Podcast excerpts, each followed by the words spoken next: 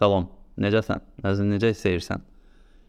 Bu podkastda sənə öz təcrübələrimdən yaratdığım bir modeli təqdim edəcəm. Hansı ki, bu psixoloji modeli özün üçün istifadə eləyərsənsə, düşünürəm ünsiyyətin hər hansı bir auditoriyada təqdimatın, bir fərdi şəxslə olan gör görüşlərin və s. bunların hamısı çox yaxşı ola bilər. Bunlar nədir? Modelin adı 4A modelidir. Hansı ki biz X adlı bir mövzuya hazırlaşan zaman bu model bizə kömək eləyir ki, bu mövzunu daha dərindən mənimsəyək və qarşı tərəfə çatdıraq. Bir də demək olar çox podkastda deyirəm bunu. Beyni model şəklinə salanda, məsələn, məktəbdə necə idi? Bərabərsizliyi həll eləyirdik, sonra diskriminant bərabərdir b kvadratı çıx 4ac. Bu düstura görə tapırdıq və yerinə qoyurduq və diskriminant ortaya çıxırdı. Eyni şəkil, eyni model burada da işə yarayır. Beynimizi deyək ki, hər hansı bir mövzuya hazırlıq modeli, təqdimat modeli, inandırma, manipulyasiya eləmə, yəni bunların hamısını bir model şəklinə saldığın zaman sən beynində qısa yolları tapa bilirsən və bu qısa yollar sənə kömək eləyir ki, daha effektiv, daha möhtəşəm nəticələr əldə edə biləsən. Bu da X adlı bir mövzu üçün sənə kömək ola biləcək bir modeldir. 4A modelində birinci A analizdir. X adlı bir mövzudur. Bilmirsən burada nə danışacaqsan, sənə çətin gəlir. Nə edəcəyini bilmirsənsə, birinci başlayırsan analizə. Analiz dediyim şey mövzu əlində olur da, onun bir başlığı olur. Ə, həmin başlığa əsasən düşünməyə başlayırsan. Bu arada daha məhsullar düşüncə ilə bağlı da bir podkast eləyəcəm, onu da dinləyərsən.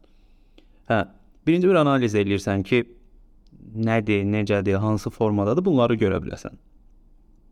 Analizdən sonra ki, effektiv analiz üsullarından biri bunu diversifikasiya etməkdir. X adlı bir mövzudur. Məsələn, e, mövzu olsun deyək ki, e, cəmiyyətdə baş verən valideyn və övlad münasibətlərinin e, daha doğrusu belə deyim, cəmiyyətdə valideyn övlad münasibətləri arasında baş verən psixoloji gərginliklər və bunun həlli yolları. Deyək ki, mövzu budur və analiz nəticəsində maksimum mövzunu qısaltmaq lazımdır. Məsəl üçün, cəmiyyətdə baş verən valideyn və övlad münasibətləri. Münasibət nədir? Valideyn və övladlar nələr eləyirlər? Cəmiyyət anlayışı hardan gəlib? Bax, analiz eləyəndə bu şeyləri görürsən ki, bunlar da ə, sənə ikinci A-da kömək olacaq, yəni araşdırma mərhələsində. Çünki sən analiz eləyib mövzunu diversifikasiya edəndə, yəni kiçik-kiçik hissələrə böləndə, artıq mövzuya ümumi yox, qısa-qısa və konkret baxa bilirsən. Yəni cəmiyyəti ayrıca araşdıracaqsan. Valideyn və övlad nədir, onu araşdıracaqsan. Münasibət anlayışını araşdıracaqsan ki, əlində bir informasiya toplansın. Çünki həmin informasiyanı 3-cü A-da assosiasiyada istifadə edəcəyik. Yəni məsəl üçün bax analiz elədim, kiçik-kiçik hissələrə böldüm, sonra böldüyüm o bütöv mövzunu kiçik-kiçik hissələrə böldükdən sonra o balaca-balaca mövzuları, o kiçik-kiçik mövzuları araşdırıram, oradan topladığım məlumatları assosiasiya edirəm. Assosiasiya dediyim şey də 3 hissədən ibarət olur. Akademik məlumat, məişət mövzuları, bir də sənə özünə məxsus fikirlər. Yəni elə bir şəkildə mövzuları assosiasiya et etməlisən ki, burada həm akademik məlumat olsun, həm məişətlə bağlı məlumat, həm də sənə məxsus olan. Nümunə olaraq deyirəm, deyək ki, valideyn-övlad münasibətlərində ortaya çıxardıq ki, valideynlik məsələn araşdırmada valideynlik dünyaya hər hansı bir övlad gətirmək deyil, dünyaya gətirilən övladın doğru şəkildə və doğru şəkildə tərbiyəsidir məsələn. Övlad isə e, valideyn tərəfindən dünyaya gətirən bir canlı, bir homo sapiens. Məsələn, bu deyək ki, akademik məlumat oldu. Bunu məişətlə əlaqələndirsəm hansı formada olar?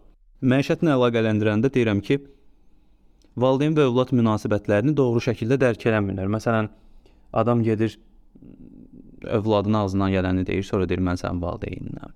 Və ya valideyninə övlad nəsə deyir, sonra deyir mən səni saymıram, məni dünyaya gətirməzdin və s. və s. belə deviant davranışlara məruz qalır. Burada biraz məişət məişətdə baş verən proseslərdən istifadə elədim. Bayaqkında akademiklik idi. Özünə məxsus fikirlər isə sən bu ikisini birləşdirib öz fikrin nədir? Bunu deyirsən. Ümumiyyətlə mövzuya hazırlıq nə qədər çox assosiativ olursa, o qədər çox effektiv olur deyə düşünürəm. Və dördüncü məsələ adaptasiya. Mövzuya hazırlıq. Mövzunu harda təqdim edəcəksənsə, həmin yerə uyğunlaşdıraraq təqdim etməlisən. Bir dəfə mən xaricdə oxuyanda müəllimimiz bizə mövzu verdi. Mənim mövzum e, şirkətlərin məhsul strategiyası mövzusu idi. Məhsulun bazarda təqdimatı. Müəllim götürdü bizi apardı uşaq bağçasına. Həriyə ayrı-ayrı mövzu vermişdi. Dedi başlayın uşaqlara danışmağa bu mövzunu. Yəni hamıya qəribə gəlir axı necə danışaq? Deyirdi siz bir mövzunu e, balaca bir uşağa danışa bilmirsinizsə, deməli heç nə bilmirsiniz. Bax indi ona görə sənin demək istədiyim budur, adaptasiya.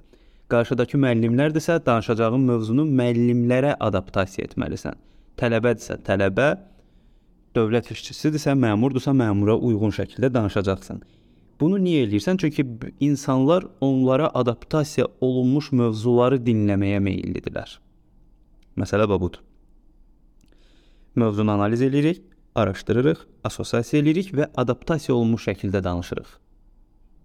Bax belə. Bu qədər sualların olsa mütləq yazmağı unutma. Qaranlıq yerlər olsa mənə sosial media üzərindən yaza bilərsən. Təşəkkür edirəm dinlədiyinə görə. Növbəti podkastda görüşərik.